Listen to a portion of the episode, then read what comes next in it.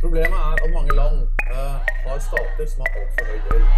Man fortsetter et system ved å dytte inn mer penger i et bunnløst hull hvor gjelda faktisk stiger. Problemet er Argentina's financial crisis has been festering for 15 years. altfor høy gjeld. Alt- alt- høy. Stadig tøffere og tøffere og tøffere over i disse landene. Du hører på Gjeldsbrevet, podkasten til Slugg nettverk for rettferdig gjeldspolitikk. Jeg er Karoline Arnesen, Og jeg er Kristoffer Jacobsen. og Kristoffer, i dag så har jeg med en låt til deg. Oi, så Jeg- spennende. Ja, jeg tror du kommer til å digge den. Skal vi se.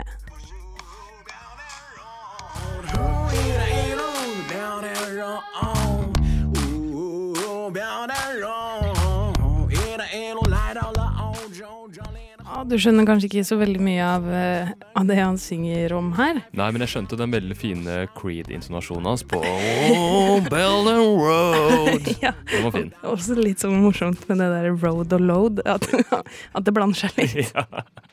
Men det er en veldig fin, eh, fin eh, propagandalåt Ja. eh, fra kinesiske myndigheter. ja, de er ikke fremmed for det, de. Nei, jeg tror det er ganske mye propagandalåter der ute som er skapt for å engasjere befolkningen. Ja. Men akkurat den her er skapt for å engasjere folk for noe som heter Belt and Road-initiativet. Og det er jo det vi skal snakke om i dag. ja. Kinas Ett belte, én vei, eller Belt and Road-initiativet, det er et massivt infrastrukturprosjekt som skal knytte verden tettere sammen med en ny silkevei, da, for de som kjenner til den gamle kinesiske handelsruten. Beltet er transportkorridorer på land, enten med vei eller tog, og veien er sjøruter. Og så store prosjekter, det må jo koste mye penger. Ja, og akkurat hvor stort det er, eh, det er litt vanskelig å holde oversikt over. Så du kan finne ekstremt store tall på belte og vei, og du kan finne mer nøkterne. Men når det er sagt, så finnes det jo heller ikke eh, i verdenssammenheng noe større prosjekt eller noen større initiativ. Så det er jo kjempestort. Eh, men eh, det er ikke nødvendigvis så gigantisk hvis man eh, bare teller det som er nye tiltak, da, eller nye, nye prosjekter. Belt and Road er nemlig en slags samlebetegnelse på både gammel infrastruktur og ny, forteller Hans Jørgen Gåsemyr oss. Jeg heter Hans Jørgen Gåsemyr, er seniorforsker her på NUPI. Jobber jeg også ved Universitetet i Bergen ved Institutt for sammenlignende politikk som postdoktor. Han er spesialisert på kinesisk politikk. Det er øh, spennende tider vi lever i. Det er veldig mye som skjer i kinesisk politikk, både nasjonalt og hvordan de orienterer seg, ikke minst internasjonalt. Og så er det jo heftig mye som skjer i verden, ikke minst knytta til USA og handelskonflikt, men også i Nord-Korea, i forhold til Syria, Venezuela, eh, Afrika. Og Kina er til stede i alle verdens land så å si i dag. Er en stor aktør, og den største aktøren også i mange land. Det er rett og slett en stormakt. Og så er det også selvfølgelig økende fokus i Europa, også i Norge, på betydningen og kanskje konsekvensene av Kinas på en måte større tilstedeværelse. Så ja, det er eh, mye som skjer, og det er mye interesse, og det er bare på sin plass. Kina er en stor aktør som vi er nødt til å ta mer på alvor. Og en måte Kina viser seg fram som en stor aktør på, er nettopp dette infrastrukturprosjektet. Tallene varierer, men de fleste opererer med at det er over 60 land involvert, og det er snakk om mange, mange, mange milliarder som betales av Kina og de involverte landene. Og det er her det blir interessant for oss, da. Fordi mye av Belt og vei-initiativet er lånefinansiert, og land låner masse penger av kinesiske aktører for å være med på dette. Ja, lånefest. Lånefest. Eh, mye av det kommer fra de mer sånn tradisjonelle kapitalmiljøene i Kina, eller de utviklings, utviklingsfinansinstitusjonene. Eh, men Kina lager også en del nye institusjoner, som noen av de er nasjonale, noen av de er helt statlige eller delvis private. De aller største er de kinesiske policybankene, som den kinesiske utviklingsbanken og den kinesiske eksport- og importbanken, og andre store banker med tilknytning til den kinesiske staten. Men Kina har også tatt initiativ til flere internasjonale utviklingsbanker, som f.eks. den asiatiske infrastrukturbanken. Den er ikke en utelukkende belte- og veifinansieringsmekanisme, men veldig mange prosjekter som faller inn under belte- og veiparaplyen, blir finansiert via banker som den. I tillegg har Kina oppretta flere store fond, og noen av de er ganske gigantiske, som Silkefondet f.eks. Og så kommer det også penger, og etter hvert ganske mye penger, også fra ulike typer mer private kinesiske aktører, utbyggere, som finansierer eh, prosjekter eh, via lån som de selv tar opp, eller som de er med å eh, dele ansvaret for, som kan komme fra ulike kilder. Så det er ganske mange kinesiske finansiøraktører på banen, da. Det kan man trygt si. Men det er ikke bare kinesiske penger som lånes ut. Det er også mye penger inni i belte- og veiprosjekter som går via andre utviklingsbanker, som Den asiatiske utviklingsbanken, Verdensbanken, Den europeiske banken for rekonstruksjon og utvikling, og andre internasjonale eller multilaterale finansieringskilder. Og det er jo det Kina ønsker med belte- og veiprosjektet, at de i ganske stor grad også skal dra veksel på større internasjonale miljøer. Så det er et sammensatt. Uh, og det er såpass store uh, infrastrukturprosjekter i de mange av landene at det er helt naturlig at pengene må komme fra ulike, ulike steder. Og da er det igjen da, ofte et definisjonsspørsmål. Da, når et prosjekt i en del av verden som er under det Kina selv oppfatter som beltet av veiparaplyen, men hvor det kanskje ikke er noe særlig grad av kinesiske penger involvert, er det da et belte- og veiprosjekt? Eller er det et helt annet type prosjekt. Og der er det selvfølgelig mye man sauser sammen nå, når man på en måte setter litt nivået på eller prøver å estimere hvor stort det her beltet og vei er. Og da blir jo vi gjeldsnerder litt på alerten, da. Ja, det gjør vi. Ja, når det er så mye lån fra så mange forskjellige aktører for så store prosjekter. Og med den suppa som er da, av ulike typer uh, finansielle aktører, så er det selvfølgelig utfordrende å skape oversikt. Selv om også kinesiske långivere ønsker det, så har heller ikke oversikt nødvendigvis over alle de andre aktørene som er inne og gir lån til de landene, eller de aktørene i de landene hvor det blir eh, tilbudt. Så man eh, ser allerede at i en del land så oppstår det problemer. At man har kanskje undervurdert eh, Eh, kapasiteten, eller overvurdert kapasiteten til en del land. Kanskje har ikke landet like sterke institusjoner for å ha oversikt selv. Sri Lanka er et av belte- og veilandene som fikk problemer med lån de tok opp for å bygge ut en havn på den nye Silkeveien til sjøs.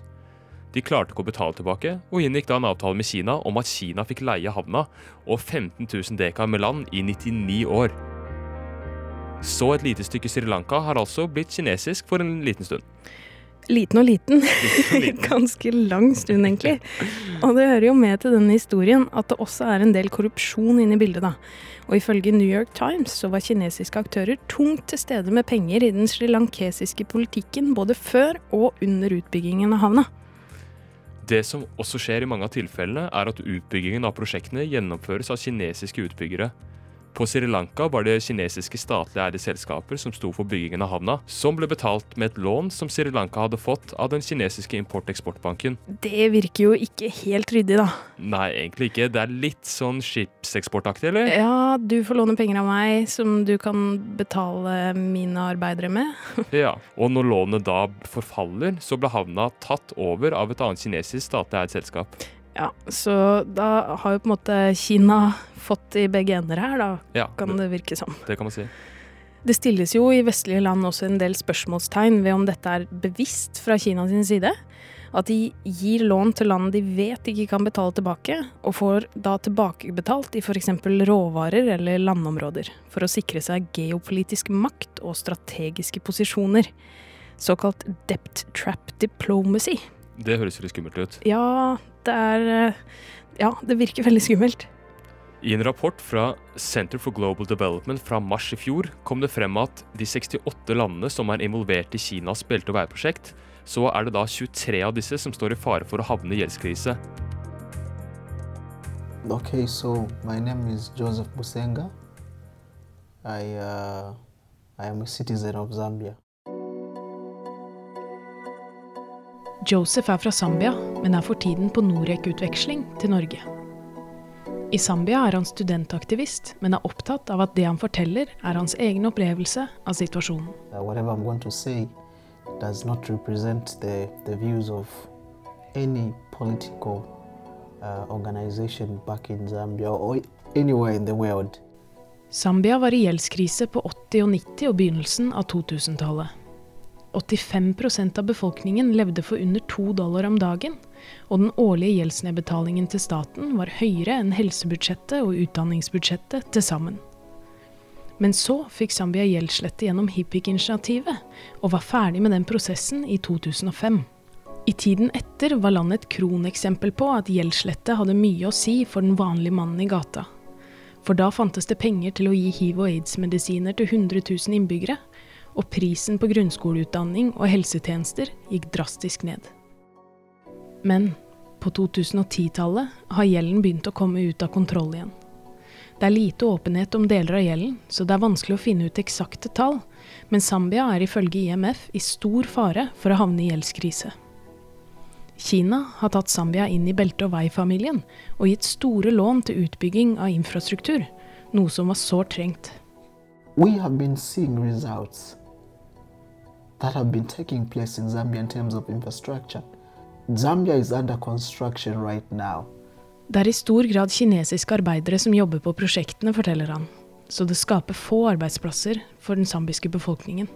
Folk er urolige for om det er riktig prioritering, og noen av veiene og broene har vist seg å være av lav kvalitet.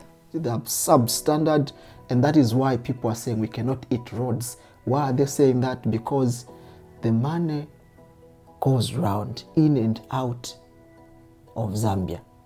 So they come in from Beijing to Lusaka, and they only spend a day in Lusaka, and it goes back to China. Prisene for veiutbyggingen har også ligget høyt over gjennomsnittet i regionen, ifølge IMF. Og de sier videre at når prisene for veiutbyggingen ligger så høyt, er mulighetene for at det er korrupsjon inne i bildet stor. Zambia er nummer 105 på lista over verdens mest korrupte land. Til sammenligning ligger Norge på syvendeplass. Joseph forteller at det er vanskelig for befolkningen å få innsikt i landets økonomi, og vanskelig å stole på mediekanalene. They are associated, they are not independent. Others report for the opposition, others report for the state. Og blant folk går ryktene i hviskemodus. People don't speak out loud because they're afraid what will happen to them. Instead, we get to whisper to each other. Okay, our conversation are in a whisper mode. The citizens, the members of parliament, and other arms of government, uh, except for the executive, don't know how much Zambia is owing China and uh, other countries that have lent money to Zambia. So, because of of being in the state of not knowing how much we are owing, and all we hear are rumors, that sends everyone panicking because we don't know whether truly China is taking over certain government institutions. Zambia har problemer med å håndtere gjelda si, og det spekuleres heftig i om presidenten har inngått avtaler om alternativ nedbetaling av de kinesiske lånene. No, those concerns are everywhere, are everywhere, and we don't know yet whether they have taken over already, or the taking over is is in the process. But like an ordinary citizen, I have already indicated that we have seen some Chinese nationals driving cars that belong to the power utility company. We have seen them driving cars that belong to the National Broadcasting Corporation. Det er mest spekulasjon i om det statlige elektrisitetsselskapet og det statlige mediehuset er blitt lovet bort som nedbetaling. One of these days, something will come out in the open that China has taken over. Right now, they may be doing it in the dark, but the light shall shine and we'll see what is happening in the dark. Når vi spør om hvem Joseph mener har ansvaret, er han tydelig på at det er de zambiske styresmaktene som er ansvarlige for at landet ikke har en bærekraftig gjeldsbyrde. Kineserne har bare benyttet seg av en mulighet. They are only taking advantage of all the opportunities that are being presented to them. if Zambia borrowed this money from China and used the money according to the intent in which it was borrowed for, then we're not going to have any problem. Men siden det antas at mye av lånepengene forsvinner i korrupsjon, og at det signeres dårlige avtaler med kinesiske selskaper som bygger veier som ikke holder god standard, så sitter Zambia igjen som taperen. If we borrowed money and the people of Zambia are involved in building these roads, I would say the Republic of Zambia and China are doing a good job because the economy is thriving. Everyone is able to buy bread and butter and put on the table for their children. Everyone is able to pay their bus fares from point A to point B. I would have been glad. But China has taken the opportunity. Zambia is misusing the opportunity. Han ser ikke optimistisk på framtida, når det er tid for å betale ned gjelda. And when time to pay back comes, that's the time when we are going to feel the hardship of living in a country that has heavily borrowed so much that is in a, in a distress. So for now, we choose to remain pessimistic and not optimistic because we know that time is coming when we will get a knock on the door. Så Joseph forteller altså at han er redd for at Kina tar over viktige bedrifter i Zambia som en del av nedbetalingsplanen. Det er jo litt som i Sri Lanka. Men han vil ikke legge for mye ansvar hos kineserne. Han mener at zambiske ledere har ansvaret. Ja, og der er jo vi Der tenker jo vi kanskje litt annerledes. Da. Vi mener jo også at utlåner har et ansvar. Ja. Eh, men Hans Jørgen Gåsemyr han forteller oss at en utfordring med de kinesiske lånene er mangel på åpenhet. De kinesiske institusjonene, når det gjelder deres bilaterale lån, er fantastisk lite transparente og er veldig dårlig rigga til å dele eh, informasjon. Det er det flere eh, grunner til, ikke minst koordinering på kinesisk side. Men det gjør at man ofte ikke veit hvilke betingelser som gjelder, eller hvilke vurderinger som er knytta f.eks. til risiko som ligger bak. Men i de fleste tilfellene er det heldigvis sånn at Kina får tilbake pengene de har lånt ut på redelig og ryddig vis. Så er det også en stor overdrivelse, eller, eller en stor feiltakelse, vil jeg påstå, å forbinde kinesiske lån eh, sånn generelt med eh, enorme gjeldsbyrder, eller generelt med eh, land som ikke greier å betale tilbake. Men hva med det geopolitiske spillet, da? Er det sånn at Kina lurer til seg makt og posisjoner ved å være en uansvarlig långiver? Det, er, det handler om å se verden i hvordan den er. Og Kina er 20% av verden i befolkning. De er ikke oppe. De er langt unna det som er 20% av økonomisk innflytelse, eller 20% av militært nærvær, eller 20% av egentlig noe som helst. Men det er jo ikke unaturlig å tenke seg at de skal opp, da på et nivå. Og det betyr et større nærvær. Eh, og det betyr også at eh, man vil se eh, flere initiativ som da lukter geopolitikk. Eller som lukter sånne sikkerhetspolitiske investeringer. Og det høres kanskje litt skummelt ut, men dette er jo egentlig noe vestlige land har gjort i flere tiår. Men som utlånere har jo de tradisjonelle långiverne blitt litt bedre. Museskritt for museskritt. Og vi i Slugg jobber hardt for å påvirke dem i riktig retning. Hvordan skal vi forholde oss til Kina som utlåner? Det som gjør det spennende akkurat nå, er at Kina selv er på et stadie i sin utvikling og i forhold til deres internasjonale engasjement, hvor volumet av lånet er så store, og at de nå er til stede reelt sett i stort sett alle verdensland, og ikke minst i de aller fattigste og aller mest sårbare landene. Og at Kina da opplever at utfordringene knytta til deres utlånspolitikk er mer problematisk, for det er flere lån og flere typer prosjekter som ikke går på skinner. Så det er en stor diskusjon i Kina om utfordringer knytta til å også tilby mer bærekraftige løsninger. Eh, sånn at det er en vi er inne i en sånn periode nå hvor man også kan være med og diskutere det, og kanskje også være med på å påvirke, og i hvert fall oppfordre Kina til å i større grad dele informasjon og være mer transparent, og kanskje også inngå i flere typer internasjonale samarbeid. Så da vil det kanskje bli mer ansvarlig på sikt, da? Slik at vi ikke vil se situasjoner sånn som nå, hvor 23 land kanskje havner i gjeldskrise? Kina erkjenner at det er utfordrende å drive utviklingsfinansiering.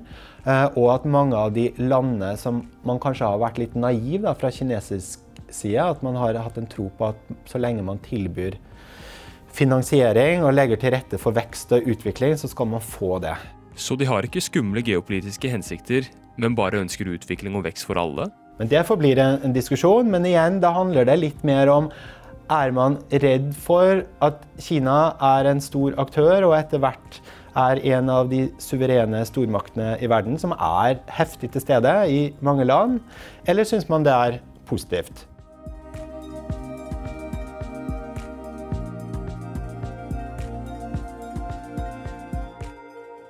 Jeg syns eh, dette er nok et bevis Kristoffer, for at vi trenger bindende retningslinjer for ansvarlig långivning og et internasjonalt system eh, som kan håndtere gjeldskrise på en rettferdig måte. Ja, det ser jo stygt sånn ut, eh, og dette er det vi i Slug har jobbet for nå i lang, lang tid, Ja. og fortsetter å jobbe for. Og fortsetter å jobbe for. Og det er jo Verdensbildet forandrer seg jo veldig nå som Kina gjør sitt inntog.